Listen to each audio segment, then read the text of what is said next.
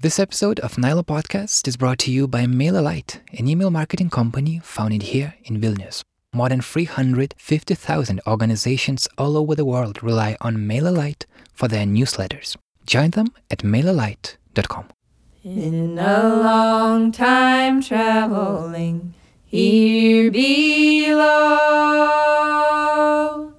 Been a long time traveling away from my home. Been a long time traveling here below to lay this body down. Been a Long Time Traveling, a traditional American folk song performed by Anna and Elizabeth. Been a long time traveling away from my home. Been a long time traveling here below to lay this body down. Been a long time traveling here below. Been a long time traveling away from my home. Been a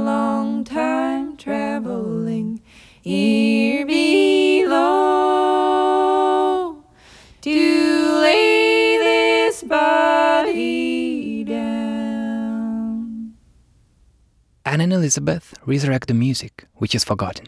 Some of the songs that they perform are 100 or 400 years old, and they still sound great. This October, they went to their very first tour in mainland Europe. I got a chance to meet Anna and Elizabeth and asked them what can we learn from old music, and what is it about music that for thousands of years humans are still singing. From the studio in Vilnius, this is Karolis Vishnauskas. You are listening to Nyla Podcast, a place where we try to make sense of the modern world. God said Hezekiah, a message from on high. You better get your house in order, for you must surely die. He turned to the wall and weeping. We see him there in tears. He got his business fixed all right. God spared him 15 years. There's a little black train a coming. Fix all your business right. There's a little black train a coming. And it could be I live in Brooklyn, New York. I live in Virginia on a farm. Uh, we met after we both finished university, and we both discovered that we had a lot of similar ideas about the way we wanted to perform old music. Georgia O'Keeffe, the American painter, wrote about how she just thought flowers were so beautiful.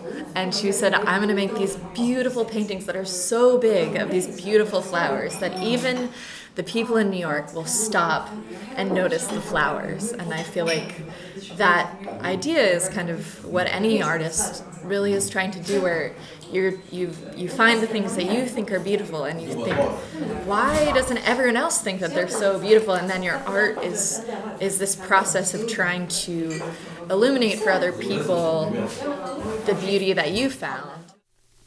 Oh, you must answer my questions nine. Sing ninety-nine and ninety. Or you're weaver's bonny. What is whiter than the milk? Sing ninety-nine and ninety. And what is softer than the silk? And you were the weaver's. Snow This is Texas Gladden, a singer from Virginia performing The Devil's Nine Questions, the song which was written in the beginning of the 17th century in England. And I am the weaver's bonny. And here is oh, Anna and Elizabeth. Higher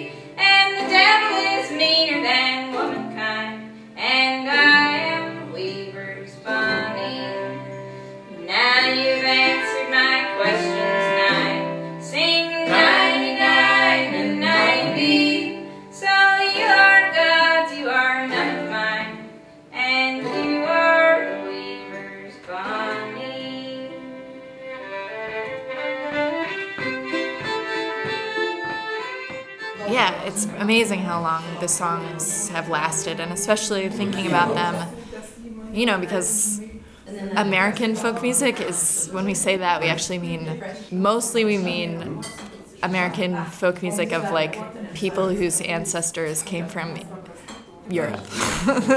so there are all these folk song collectors who would come to Appalachia, to America, in a hundred years ago because they realized all these Americans had saved these songs that had died out in Europe, which I think has to do with like if you have to leave where you're from, you know, anytime you leave somewhere, you have to you like kind of hold on to like your little memories more like oh like this thing was something from the place that we left.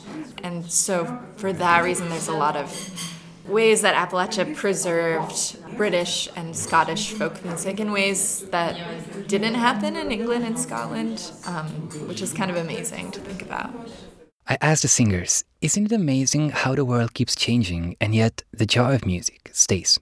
We don't live in mountains anymore. We have smartphones in our pockets, but we can still enjoy the same songs as our grand grand grandmothers and fathers did. Do they ever think about it? All the time. that's why, that's a huge part of why I really love the, that music. But at the same time, I'm so grateful for all the things that have changed. because I, th- I think, especially as a woman, there are a lot of stories about male heroes and a lot of stories about women being killed. So I think the world has changed in some ways, or like the love songs are like still feel true, but at the same time, I don't even know what it would have been like to like feel like lo- like falling in love was either something that your parents told you you had to do or that you had no option like as a woman like you couldn't say, oh, I'm not going to get married, I'm just going to have a career. Like, that's a very modern option. And so it just puts love in a different perspective, I think, to me. Um, all these love songs of these women being like heartbroken, I feel like, wow, that must have had a different weight when like love was then the thing you did after your family and then you'd like move into your husband's house and then start a family of your own. Like that's just a different way of love. Yeah, it's like I don't totally relate to it. yeah. Soldier and the Lady is one of those old, unhappy love songs. It tells the story of a lady who asked a handsome soldier to marry her, but he answered that one wife is already too much for him. A sad story, but a beautiful song.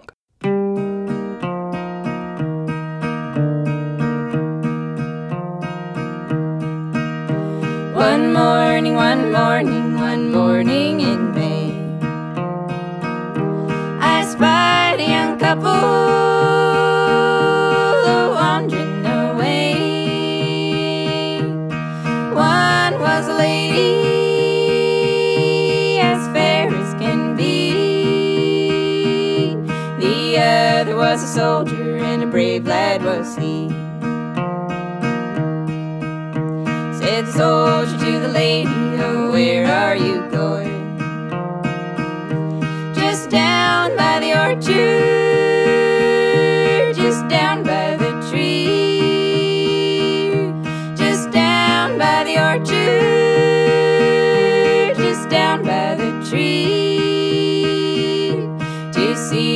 water sliding, hear the nightingale sing. They had not been there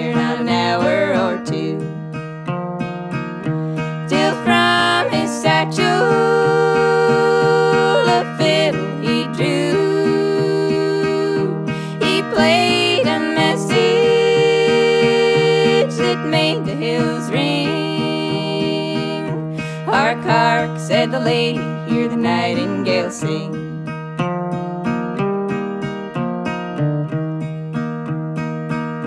Said the lady to the soldier, Will you marry me?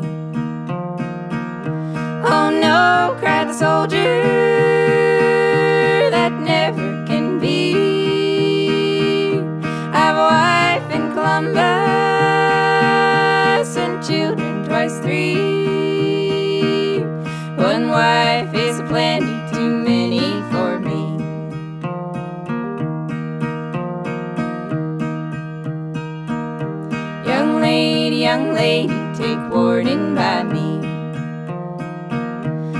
place your affection on a soldier so free. Don't place your affection on a soldier so free. You'll be deceived like mine has done. One of the things that is fascinating about Anna and Elizabeth music is how different their voices are, but they fit together so well. Elizabeth has like this strong knife voice. My friend was like, "She sings like a knife." I was like, "Yes," because it cuts through things. And and over the years, I feel like, yeah, for me, it's been this process of learning how to accompany her voice and, and how to blend my voice to her voice and um and make settings and arrangements that kind of work as a unit has been a big kind of musical challenge and growth for me um, in this band. And for me too, I'm still learning so much about how to support Anna's voice and blend with it. Both of you, when you are singing, it it really fits this like, kind of folk music aesthetic. Uh, did, did you just have it, or can you learn it somehow? We listen to a lot of recordings for one thing. Um, that's a big part of my study of voice is studying recordings of singers, but we also have had a lot of living teachers. Um, so Sheila Kay Adams and Ginny Hawker. Um, And those are just two wonderful older ladies who live. One lives in North Carolina and one lives in West Virginia. But um, I would say with any tradition, like like Elizabeth happened to have been born with a loud voice that that was able to like learn the certain sound of some of the traditional singers. But I feel like for me, like what I've learned from the traditional singers is like that you need to be authentic to yourself. I mean, traditional music is so much about. Um, there's such a high emphasis placed on being authentic. And so if you are not from the mountains and you don't sound like you didn't grow up going to a certain kind of church or a certain, um, you don't, you know, like Elizabeth's mom learned from the hippie folk singers of the 70s. And so it's like neither of us actually grew up in a long line of, of traditional singers, but I think because we value the way that those teachers are so authentic and true to who they are and to where they're from, I feel like that really taught me how to find my own voice and say, how do I sing and be totally me and be totally honest and be totally like, how deep can I reach into my own self and to where I learned the song and, and not and be true to that? And and I feel like that to me that's the biggest thing I've learned from traditional singers is just like how do you like be humble with the content of the story and just like deliver it to people um, in a very true way. Usually, songwriters spend their days in their room or in their studio trying to write new songs. Anna and Elizabeth spend their time in libraries. They look for old, forgotten songs and then kind of give a new life to them. It's a completely different process. I asked them to tell more about how do they find songs and how do they make them their own. I'd say there are intuitive parts even of that research process as you're going through many, many, many, many, many songs. You're kind of waiting for one that will jump out and take your attention. And that's definitely something that happens, and you can't always put your finger on exactly why that is, but that's something that happens. But it is so different as I've been writing more songs and composing more. It's been such a interesting shift in the way that I think of music. Like traditional music is like close to being a scientist or like a journalist. Like you're kind of like you're only telling other people's stories or sometimes like an actor where you feel like you can kind of like express your own feelings through a part, through someone else's words. You can kind of you know, like how an actor playing Hamlet might use their own experiences to better convince you of, of his character and, and inhabits that character. Um, or like, you know, like a really good journalist will like, you know, you kind of move through the world looking for stories and, and and noticing like simple beautiful things and like figuring out ways. The art is in like how do you tell the story and or like how do you curate it? How do you how do you like we're collectors and how do you share the collection in an interesting way which is so different than the art process of like sitting down with your guitar training yourself to come up with melodies and train and like teaching yourself that state of flow that's really different when you're writing music the the state of flow and the um, the state of of being when you're trying to create something out of air I mean, I think we have an affinity also with like classical musicians in that way who are interpreters. They're saying like, you know, the art part comes in the performance, in the learning how to be a really present performer, how to be good enough at your instruments to be able to like be open to the moment on the stage when you have to share the song in a rich way. It doesn't have that creation moment exactly. It's more like a seeking, a learning to ask questions and find things in the world, and then and then you just share them.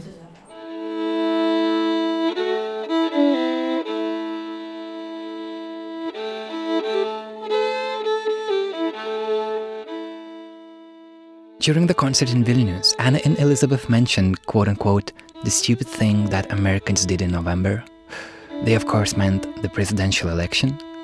Now it is extremely hard to find a peaceful environment in which we won't be attacked by the news headlines, most of which in 2017 are sad and negative. But when I listen to music by Anna and Elizabeth, and when I talk to them, it seems that they found their shelter. It seems that listening to all music, playing old music, and spending time with old singers let them escape the present.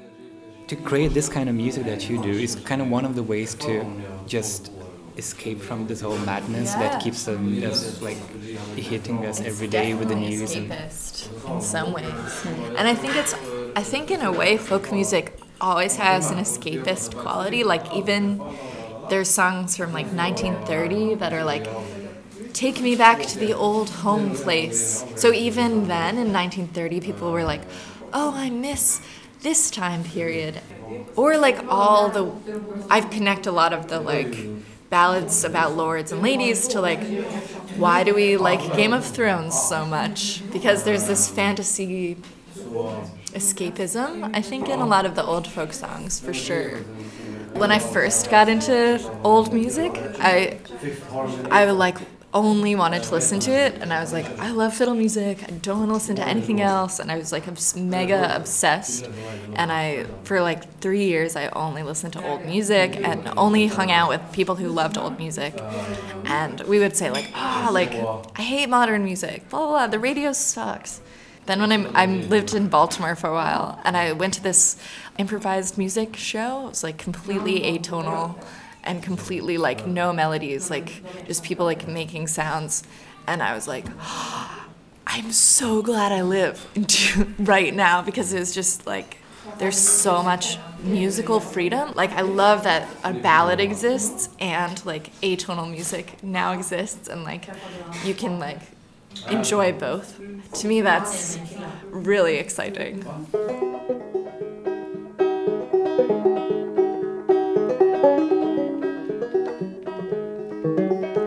Old Kimball was a gray neck, and old Nellie was a brown. Old Kimball.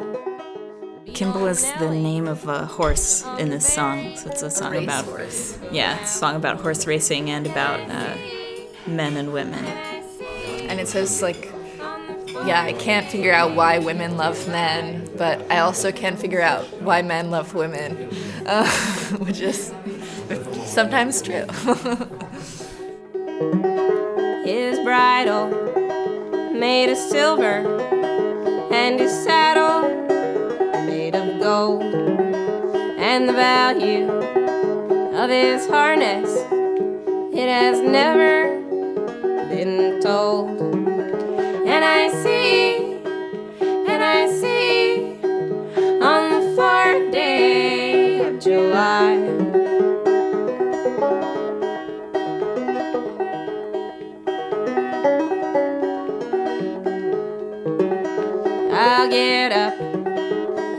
My buggy with my line in my hand. Good morning, young lady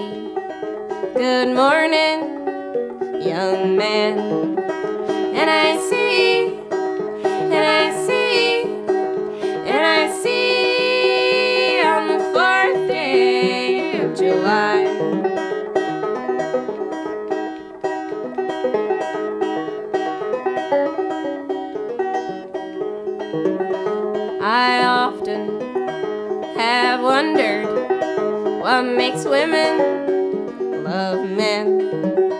I look back and I wonder what makes men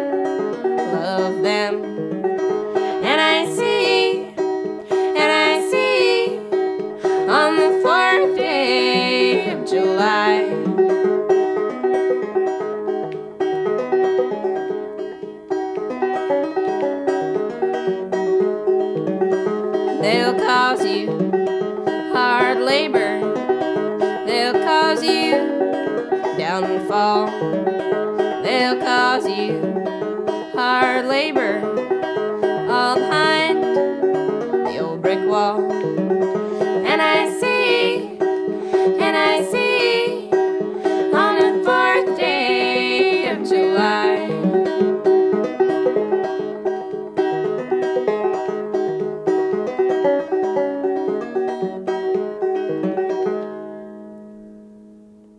To play you more of Anna and Elizabeth music, so I asked them to tell short backstories behind some of their songs.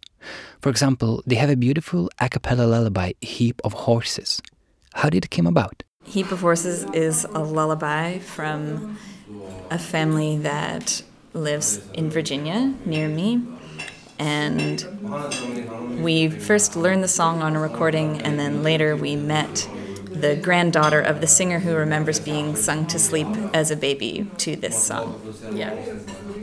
Yeah, well, yesterday, this is a lovely internet moment. Our friend in Oregon posted a video of her singing this song for her baby shower. She taught it to all her friends.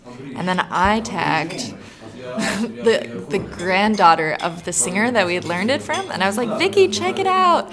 And she was like, "Oh my god, like this is so awesome. Like my grandma would have loved this." And um, she showed it to her mother who's the last living um, child of this singer and she's like mom just watched it three times and cried and um, so that's it's been a really special song because it's like because we know the family that taught it to that like is responsible for us knowing it and and it's also one that like a lot of our fans have then learned and it's because it's a lullaby it's useful it's like still very useful so it's nice to like see people share with us like oh i use this you know at my baby shower like that's really really a cool thing And here is a Heap of Horses.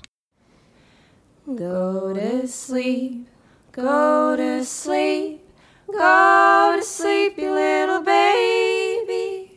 When you wake, get some cake and ride them pretty little horses.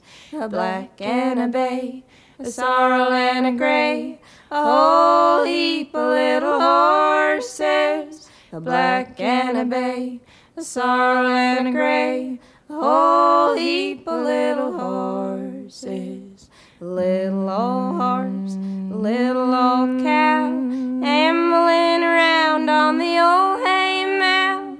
Little old horse, he took a chew. Darned if I don't, said the old cow too. Go to sleep, go to sleep, go to sleep, you little baby. When you wake, get some cake and ride them pretty little horses. A black and a bay, a sorrel and a gray, a whole heap of little horses. A black and a bay, a sorrel and a gray, a whole heap of little horses. Beautiful lullaby, but we don't want to put you to sleep, so let's listen to something that will wake you up.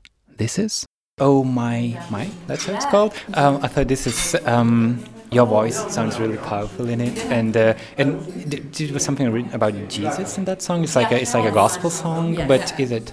Yeah, it's um, the words, uh, even in English, are kind of weird. funny, um, almost. But it's it's just about expressing like this huge excitement about Jesus, um, which is really fun to sing. Yeah. Neither of us are terribly religious. This guy yesterday said, Are you Christian? I was like, Well, I grew up Unitarian and Elizabeth grew up Quaker, which I think of as very liberal versions of the, the soft the softest religions. versions. They're like American forms of soft Christianity. Um, but I guess I feel like in the Appalachian tradition, the kind of the most philosophical songs to me are the religious ones, like the ones like the other songs are either like stories, like narratives, or they're um, like silly party songs, which are fun. But the ones that are like, why are we here? Let's be kind to each other. I feel alive. Like the ones that kind of deal with the kind of depth that I think a lot of modern songs usually deal with are like those types of lyrics are found in the gospel songs. Um, so we like to sing them because, yeah, music is a holy thing.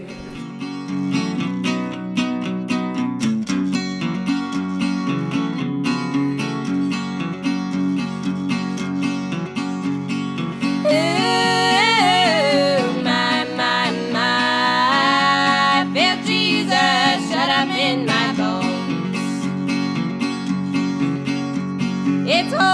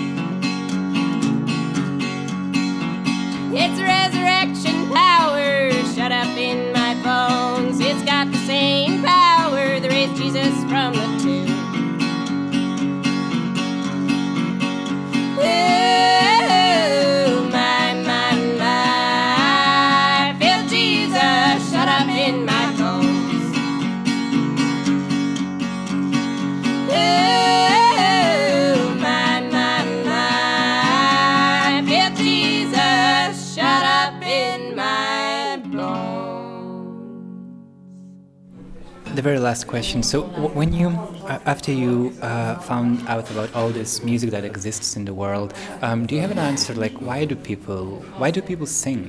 Why we, we, we, we keep on doing this? Like, we did this two thousand years ago, and, and we still do it. What, what is what is it about singing? About songs that we we need them as as humans?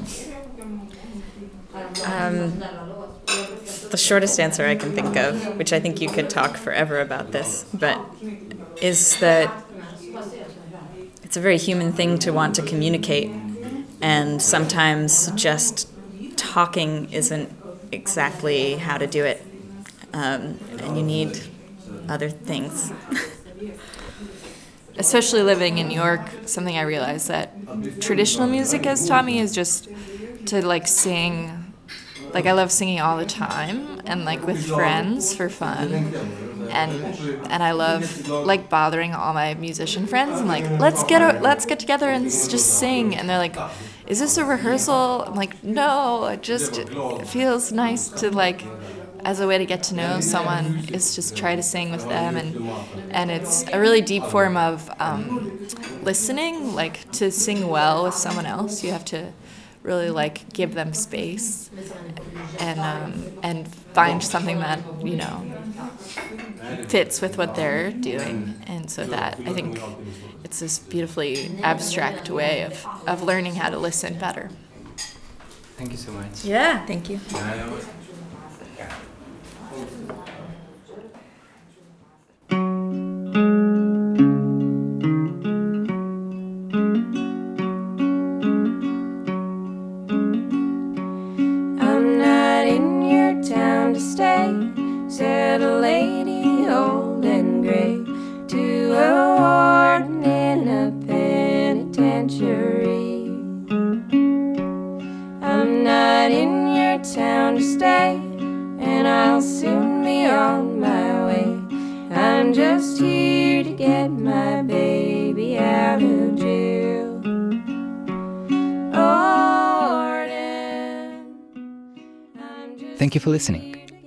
Elizabeth are touring Europe now.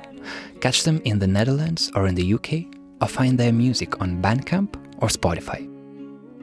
We want to thank Gero Muzika Gyvai, world music promoters who took care of Anna and Elizabeth gigs in Lithuania and helped us to organize the interview.